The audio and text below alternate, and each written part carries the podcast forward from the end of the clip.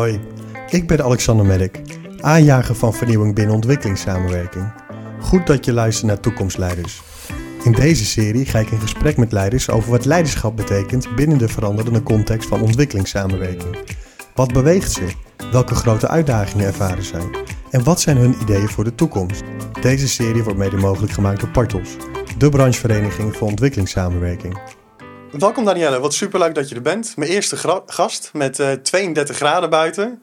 Welkom. Dank je, heel erg leuk om hier te zijn. Ja. Danielle, um, laten we beginnen bij jezelf. Wie is Danielle? Kan je jezelf kort introduceren? Uh, dat kan je natuurlijk over, uh, op heel veel manieren doen, maar laat ik het maar uh, even on point houden. Ik ben directeur van Milieu- en Mensenrechtenorganisatie Boot Ens. ik heb een achtergrond, ik heb economie gestudeerd. Uh, en ik heb uh, na mijn, tijdens en na mijn studie veel in het buitenland gewoond en gewerkt. Dus in Kenia en in uh, Mexico en in Paraguay. En daarna ben ik terug naar Nederland gekomen. Heb ik tien jaar lang voor Delftse ingenieurs gewerkt in de watersector. Die heel erg veel behoefte hadden aan iemand met internationale ervaring. Maar ook iemand die van de cijfertjes van de ingenieurs de verbinding kon maken met beleidsmakers. En dat okay. leren wij natuurlijk als econoom. Ja. En in die tijd, al sinds uh, nou, eigenlijk 1995, was ik vrijwilliger bij Boot Ens op de Latijns-Amerika afdeling. En ik wilde altijd bij Boot Ens werken, uh, omdat het eigenlijk de enige spreker was geweest tijdens mijn economiestudie. Ja. En die duurt best lang. En daar hoor je veel mensen. Ja. Uh, die wat mij betreft uh, het verhaal vertelde vanuit een eerlijk perspectief. Mm -hmm. uh, van hoe onze mondiale economie echt in elkaar zit. Mm -hmm. dus vanuit het, uh, vanuit het perspectief van machtsverdeling, uh, hoe lopen geldstromen eigenlijk, wie heeft het voor het zeggen? En omdat ik, dat kon ik goed matchen met wat ik in al die landen had gezien. Yeah. Dus ik had altijd al een, het, ja, het sterke gevoel dat het een organisatie was die goed bij me paste. Superleuk om te horen. Dus echt vanuit je passie eigenlijk. Hè? Vanuit ambitie uh, bij Ends terechtgekomen. En uh, dus nu, zoveel jaar later, directeur. Ja, al 15 Hoe is dat zo gekomen? Um, nou ja, dat is, dat, kan, dat is natuurlijk allemaal. Iedereen zal daar zijn eigen verhaal bij hebben. Ja. Uh, ik, ben vrijwillig, ik werd vrijwilliger. Eigenlijk wilde ik natuurlijk meteen in dienst in 1995. Dat was een hele. De arbeidsmarkt was toen heel krap. Uh, en de Bad was een relatief kleine organisatie, dus forget it. Dat was, uh, was niet aan de orde. Toen ben ik vrijwilliger geworden en um, nadat ik in Delft had gewerkt, ben ik onafhankelijk consultant geworden. Dus ik kreeg okay. allerlei opdrachten en een van mijn opdrachtgevers was Boot Ens. Mm -hmm. Dus toen begon ik al betaald werk te doen. Het is jaren negentig. Ja, jaar, eind jaren ja, 90, ja. begin 2000. Uh, en toen zei de toenmalige directeur tegen mij van... ja, Daniel, het is allemaal leuk en aardig... maar je bent hartstikke duur voor ons... en waarom kom je gewoon bij ons mm -hmm. werken? Toen dacht ik, -hmm. ah, daar was het me uiteindelijk allemaal over begonnen. En uh, toen ben ik senior waterexpert geworden... omdat ik natuurlijk een achtergrond had. En, uh, maar ik had wel heel eerlijk tegen de directeur gezegd... van ja, ik wil eigenlijk gewoon... Een, ik wil meer, niet management in... maar ik wil gewoon meer... Ja, dit voor het zeggen krijgen. Een bestuursfunctie. Uh, ja, een, uh, een, een, eindverantwoordelijkheid ja. zou ik het zeggen. Ja. En, nou, en uiteindelijk, hij ging weg. En hij heeft me dus wel gesteund, laat ik maar zeggen, in mijn doorgroei. Ja. Um, en hij ging weg en toen heb ik gewoon gesolliciteerd. Net als 80 anderen mm -hmm, mm -hmm. naar de functie. En toen ben ik het geworden. Leuk om te horen. En um, nou, je vertelde net eigenlijk al iets over je drijfveren. Hè? Een stukje eerlijk perspectief uh, uh, voor een mondiale economie. Um, je bent nu 15 jaar bij Both Hands. Nou, Klopt dat? Langer dus. Langer. Vijf, ja, te, echt, directeur 15 jaar. Ja, ja, ja. bijna. Um, wat zijn je persoonlijke drijfveren om directeur te zijn? Had je net al over, maar om directeur te blijven. Wat, wat, wat drijft je als individu? nou, ik uh, het, wat, wat ik fijn vind, kijk, je bent, ik ben geen directeur. Ik ben directeur van Boot End. Ja. En, uh, dus ik, hoef niet, ik heb niet een hele sterke behoefte om uh, op de top van de apenrots of zo te okay, zitten. Ja. als, laten we zeggen, als rol. Ja. Waar ik wel een sterke behoefte aan heb, is om met een team dat wat creatief is, maar wat ook ja, toch wel lef heeft. Beetje tegen de stroom in. Uh, um, ik zeg het misschien, het klinkt heel erg bombastisch, maar de wereld te veranderen. Ja, ja. dat is een hele belangrijke drijver. En dan met name vanuit uh, de kennis en ervaring, maar ook de behoefte om uh, aan, in ons geval dan in mensen in Nederland, maar dat kunnen ook donoren uit andere landen zijn. Ja om de mensen met de macht en het geld en de invloed ervan te overtuigen Mhm. dat eh, wij het echt anders moeten gaan doen, willen we de wereld redden. Ja.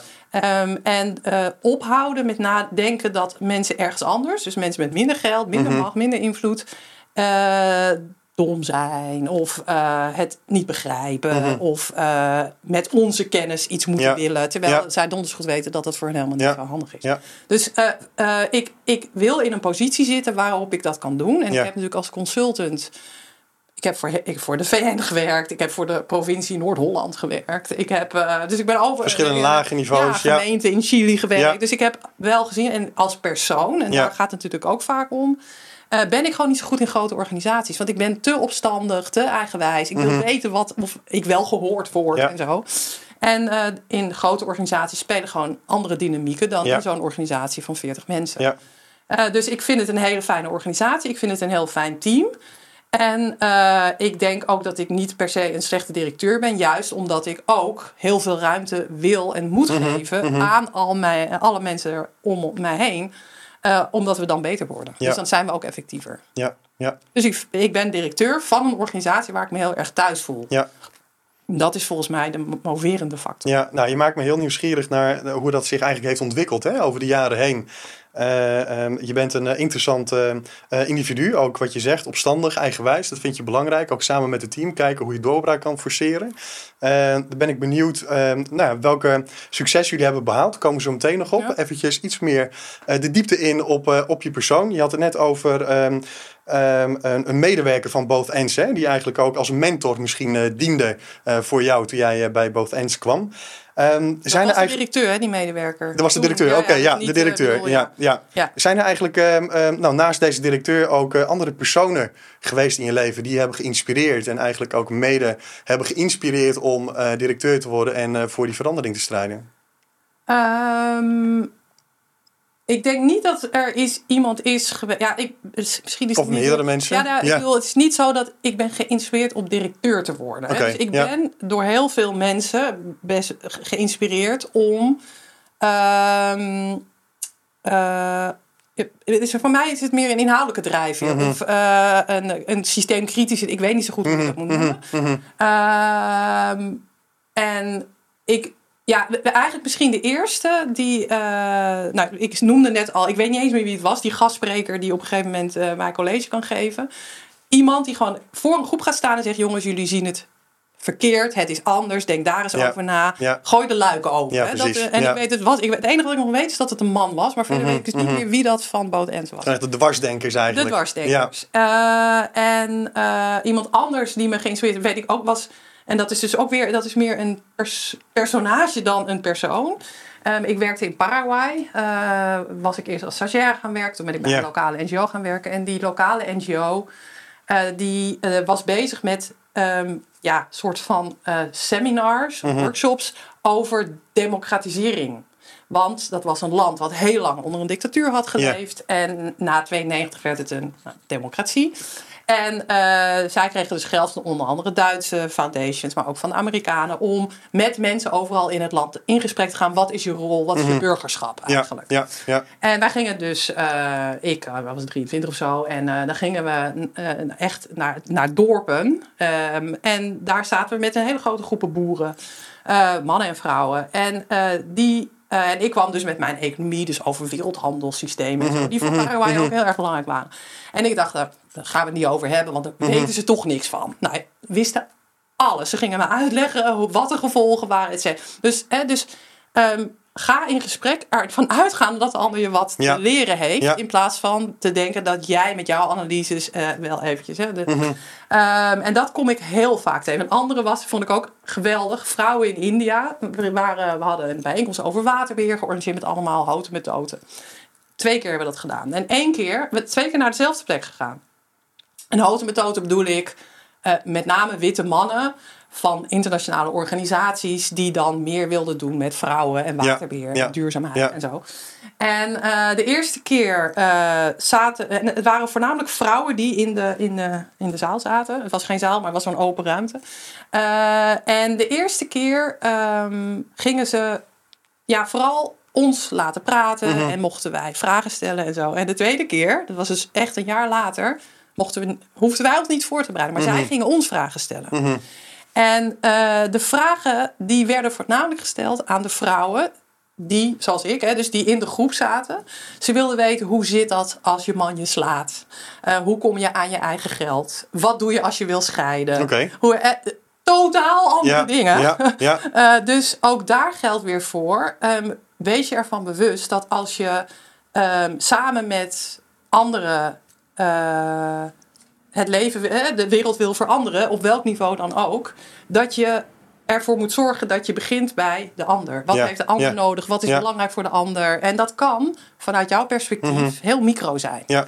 Eh, maar die vrouwen die konden pas iets gaan doen op het moment dat zij de vrijheid kregen om ook te doen waar ze zelf behoefte aan Precies. hadden. Ja. Eh, nou, dat, dat vergeten we gewoon heel vaak. Mhm, Eh, dus ik, dus dat, soort, dat, dat zijn allemaal mensen die inspireren. Nou, kan je natuurlijk ook zeggen, ik word heel erg geïnspireerd door iemand als Naomi Klein, Mhm, die gewoon al 30 jaar lang met eh, heel veel bombarie eh, geweldige Ja, analyses ja. maakt over hoe de, en die kloppen ook nog, weet je wel. Dus ik, zo, zo, Ja. ik heb een hele rij met inspiratie. Nou, maar ik zie ook je vuur, vuurtje in je ogen branden. Dus eh, je raakt er zeker heel erg geïnspireerd van, van. Van eigenlijk veel verschillende mensen. En op verschillende lagen. En laten we even een bruggetje maken met, met both ends. Hè? Je had het over dwarsdenkers en eh machtsdynamiek en machtsrelaties. Ehm, gekoppeld aan de unieke propositie eh, van both ends. Hoe maken jullie het verschil? Wat is nou echt hè, het, het ene waarin both ends anders is dan andere clubs? Ehm, ik denk dat both ends altijd. ehm, ja, goed. Ik, ik, ik, ik probeer even, want er zijn natuurlijk een aantal antwoorden weer Ja, te vinden. Ja. Wat both ends vanaf het begin af aan gedaan heeft, is dat eh, eh, de mensen die, laten we zeggen, de leiding formeel en informeel over de organisatie hadden. Want je hebt natuurlijk een directeur, maar je hebt ook heel veel mensen die de, de, de, de, de, de spirit van de organisatie bewaken. Ja, En daar, ja. hebben wij, de- daar hebben wij er veertig van, dus dat Oké. is wel goed. Eh, is dat het altijd gaat om wat onze partners in de, het mondiale zuiden, kan je zeggen, maar je Ja. eigenlijk over de hele wereld wat voor hun het allerbelangrijkste Oké. is. En wij kijken dan hoe wij daar iets aan toe te voegen hebben in Ja. overleg met, eh, met eh, die lokale organisaties. Mhm. En dan kom je er. eh, dus dat is. En dat, Dat is de manier van samenwerken. Is de manier van samenwerking is ook het debat wat dat oplevert durven Ja. aangaan. Want ik geef je een voorbeeld. Eh, wij, hebben, wij kijken al heel lang naar hoe Nederland eh, de handel in fossielen Mhm. bevordert. Hè, met ons eigen belastinggeld. En dat vinden wij slecht. Mhm. Eh, en wij hadden daarover een gesprek met een lokale organisatie in Mozambique. Waar een heel groot gasproject in ontwikkeling is met Nederlandse betrokkenheid. Ehm, en die organisaties die zeiden van ja jongens, wij willen dat. Wij vinden, zijn niet per se tegen dat project. Ja, dat geeft ons ja. een hele grote kans om te ontwikkelen. Ja.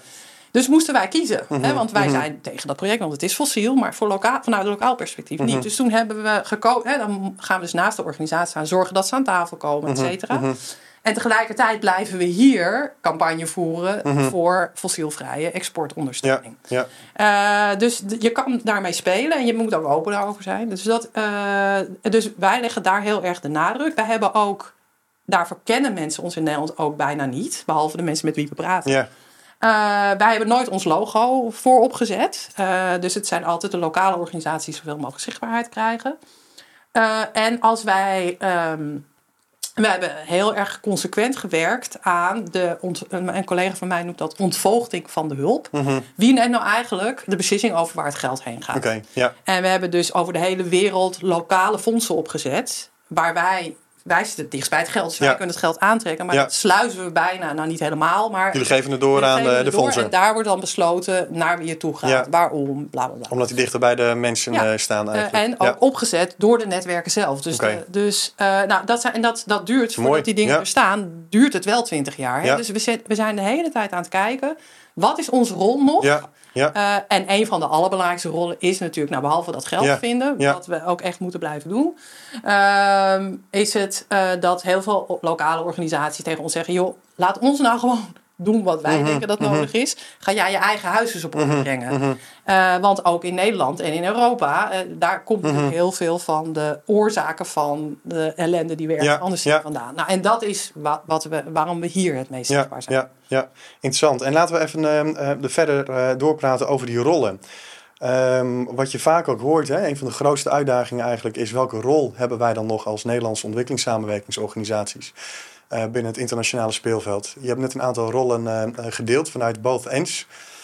Um, waar gaan we naartoe, denk je, als ontwikkelingssamenwerkingsorganisaties? We zijn, we zijn continu aan het reflecteren wel over welke rollen we hebben, de veranderingen. Ja, hoe sta jij daarin? Um, um, gaan we de goede kant op? Moeten we aanjagen, versnellen op, op, op die rolsverandering? En, en waar moet dan een beetje die focus ook liggen in de rollen? Ja, dat vind, vind ik een moeilijke om voor ontwikkelingsorganisaties mm alleen te... Ik denk dat we moeten opletten dat we niet aan alleen ontwikkelingsorganisaties verandering vragen. Ja. Uh, ik, vind daar, ik vind daar natuurlijk van. Ik denk dat elke organisatie kan uitleggen waarom wat hij of zij mhm, doet mhm. hè, uh, het beste is. Ja. En dat kan ik natuurlijk ook. Um, maar uh, ik, wat, waar de Nederlandse samenleving, dat bedoel ik ook bedrijven en mhm. ook overheden en ook kennisinstituten voor staan, is op te houden met te denken dat wij de wijsheid in pacht hebben. Uh, het gesprek aan durven gaan met de vernieuwers, uh, juist buiten het Rijke Westen. Ja. Um, en heel erg goed na te denken uh, waar wij binnen onze eigen sphere of control en invloed de dingen anders moeten gaan doen. Mm -hmm. In eerste instantie misschien alleen maar vanuit het bestwil voor de ander, maar op middellange termijn en lange termijn ook ja. ons eigen bestwil. Ja.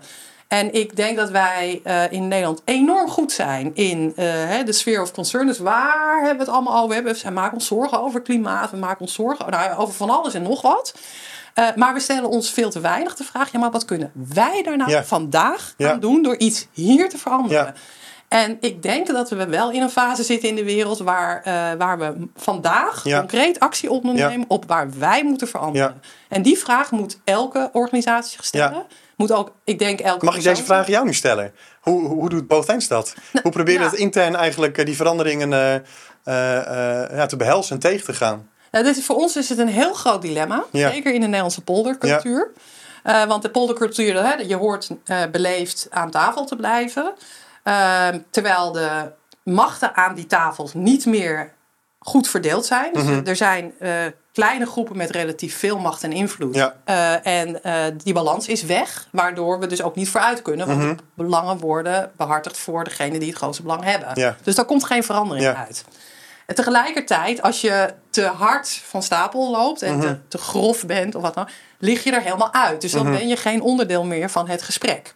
Dus wij zijn elke keer weer, en dat is echt, uh, nou ja, dat is de, de, gesprekken die we in één week tien keer over verschillende thema's kunnen. Ja. Nou ja, dat voorbeeld uit Mozambique is er ook één. Dus wat doen ja. wij nou echt? En dat doen jullie intern dan? Interne eh, intern. discussies? En soms, en, ja, soms uh, uh, vragen we dat ook aan mensen die niet echt bij de organisatie maar wel die vertrouwen hebben. Dat hangt er ook van af, gaat het over een donor. Ja, dus je maakt het bespreekbaar eigenlijk je met elkaar. Bespreekbaar met elkaar. Je, je, je, je, je, maakt vooral inzichtelijk wat het dilemma okay. eigenlijk is. En dan op een gegeven moment kies je uh, een, een, een koers. Er zijn morele dilemma's die jullie intern bespreken. Ja, er zijn ook tactische dilemma's. Okay, hè? Dus ik denk niet dat we op moreel niveau echt een dilemma. Ik denk dat het vooral tak. Je wil ergens komen mm -hmm, en mm -hmm. dat zal je niet alleen. Linksaf kunnen. of rechtsaf. Ja. ja en uh, hoe, uh, ja, hoe blijf je wel op koers zonder je, je, medestanders of de mensen die je nodig hebt te verliezen? Mm -hmm. op een moment in Nederland waar, de, waar het ja, waar we wel in de minderheid zijn. Ja, Dus dat is, het, het, is een voortdurende vraag. En, um, en, daar kan, ja, en wat doe jij? Wat doen de organisaties met wie je werkt? Je kan mm taken mhm, verdelen en mhm. Dat, doen, hè, dat doet iedereen. Maar dan moet je dus, je moet iedere keer nadenken van hey, waar staan we nou voor? Waar willen we naartoe? Wat verlies ik als ik koers A? Wat verlies ik als ik koers B? Nou, stel dat ik koers B kies, wat doe ik dan om het verlies of het risico te beperken? Zo zijn we voortdurend bezig. Interessant. En, en, en uh, eigenlijk uh, wat ik ook interessant vond, en ook gekoppeld aan, aan, aan, je, aan ons gesprek nu, is in ons voorgesprekje had je het over dat jullie ook uh, intern bezig zijn met zelfsturing. Hè? Dus eigenlijk ook met machtsdynamieken. Ja. Um, hoe werken we samen? Wie maakt welke beslissingen? Teams of... Um, dus jullie voeren eigenlijk dat heel ver door, intern binnen de organisatie. Um, welke leiderschapsstijl eigenlijk past bij both ends? Past bij jou of bij jullie team, bij de organisatie Spirit? Hè? En, en hoe geven jullie dat vorm? We, we, we, noemden onszelf eerst zelfsturend, maar we zijn nu zelforganiserend. Zelforganiserend, oké. Namelijk niet helemaal. Je bent natuurlijk niet iedereen kan, maar ja. uh, er zitten natuurlijk wel structuren achter van hoe je beslissingen neemt en zo. Uh, het, het, type leiderschap wat je uh, allemaal waar wij dus ook naar kijken als wij mensen aannemen. Uh, relatief grote mate van onafhankelijkheid. Mhm. Dus creativiteit, ondernemerschap. Ja, je kan het alle, op allerlei dingetjes mm plakken mhm. natuurlijk. Uh, bewustzijn van uh, het feit dat je het zelf nooit het beste alleen in je eentje weet. Dus altijd even checken. Van, nee, of, hey, ik zit hier tegen. Dus het gesprek blijven aangaan. En dan kan even iets langer duren. Maar uh, in, mm in, je eentje ga je sneller. En samen kom je verder, die houding. Um, en um, ook de bereidheid om ja, gewoon, maar dat hoort ook bij nieuwsgierigheid, om fouten te maken. Ja. Uh, maar vervolgens wel te, zo snel mogelijk te handelen op het moment dat je door hebt dat je een fout hebt mhm, gemaakt. Mm -hmm. Dus 9 van de 10 keer gaat het goed als je iets nieuws probeert. Die ene keer ja. uh, maak je een fout. Ga dan meteen even naar iemand toe, zodat je samen kan zorgen dat de spillover van die fout zo, klein, zo beperkt mogelijk is. Heb je wel een, een, een, bepaalde mate van kwetsbaarheid nodig, Je hebt kwetsbaarheid en je moet een veilige werkomgeving ja. hebben. Dus een ja. van de kern van eigenlijk de organisatie is uh, dat we geleerd hebben hoe je feedback moet geven. Mm -hmm. dus hoe ga ik tegen jou zeggen dat ik het eigenlijk echt belachelijk vind? Dat, je, nou, hè, dat zeg je mm -hmm. dus niet zo. Ja, ja. En, uh, maar ook feedback ontvangen. Ja. Want uh, je moet dus niet meteen in de verdediging gaan. Waarom zeg je dat eigenlijk? Dus daar, dat moet je trainen met elkaar. dus een veilige werkomgeving is eigenlijk ja, cruciaal voor, voor die verandering. En die, dat is natuurlijk wat, in heel veel, waar het in heel veel organisaties misgaat. Um, omdat ik moet ook openstaan voor kritiek. Ja. Dat vind ik niet leuk. Ja. Ik bedoel, ik, niemand vindt kritiek leuk, maar ik, ik denk dat een, iemand die als directeur functioneert ook een, een ego mm -hmm, heeft. Dus mm -hmm. dat, dat, is toch even slikken. Ja, ja. Uh, dus daar ligt een bepaalde, het is een belangrijke voorbeeldfunctie ja. uh, voor bij mij en bij een andere die eindverantwoordelijkheid hebben. Om juist open te staan voor dat soort en, observaties. Als we, als we uh, kijk, deze serie gaat natuurlijk over uh, leiderschap. Hè? En een zoektocht naar wat betekent leiderschap of nieuw leiderschap eigenlijk binnen de veranderde context ja. van humanitaire hulp en ontwikkelingssamenwerking. Als we één competentie moeten kiezen, van wat nemen we dan mee vanuit uh, Bovens en Danielle hè, naar, naar die toekomst? Welke zou dat zijn? Het zijn heel veel belangrijke. Ja. Uh, Toch nou, eentje. Eén is uh, uh, de tegenovergestelde van risicomijdend. Risiconemend is niet het woord, maar dus... Gewoon lef, durf tonen ja, eigenlijk, uit comfortzone ja. blijven gaan. Ja. En op het moment dat je dat, dat voelt dat je dat niet meer doet... dan denk ik dat je gewoon niet meer met verandering bezig bent. Dus eigenlijk toch dat stukje waar je ook mee begonnen, dat ondernemende, de creatieve, dat dwarsdenkende, daar komt het eigenlijk allemaal in terug. Ja, maar comfortzone kan uit je comfortzone, dat is een interessante ja. voor organisaties die zichzelf als activistisch zien. Ja. Uit je comfortzone kan ook betekenen dat je een keertje niet je mening geeft. Mm -hmm. En wel meedoet met mm -hmm. partijen waarvan je denkt: jeetje, Mina, ja. hoe, ga, hoe ga ik mijn, mijn mensen uitleggen dat ik met deze mensen mm -hmm. aan touw heb? Dus het is, de comfortzone kan ook heel erg zijn uh, kan, het hangt heel erg vanaf wat je ziet als jouw normale manier van doen. Ja, ja. Interessant. Nou, dan zijn we al aan het uh, einde gekomen, uh, Danielle. Een uh, korte samenvatting, wat bij mij is blijven hangen, is dat we eigenlijk in gezamenlijkheid iets meer moeten dwarsdenken. Um, en uit onze comfortzone moeten stappen om toch meer impact te kunnen maken en, uh, en, en de, alle moeilijkheden uh, te lijf te kunnen gaan. Dus dank dat je er was, onze eerste gast. Ik hoop dat je hebt genoten. Vond het hartstikke leuk. Ja. Top, dankjewel.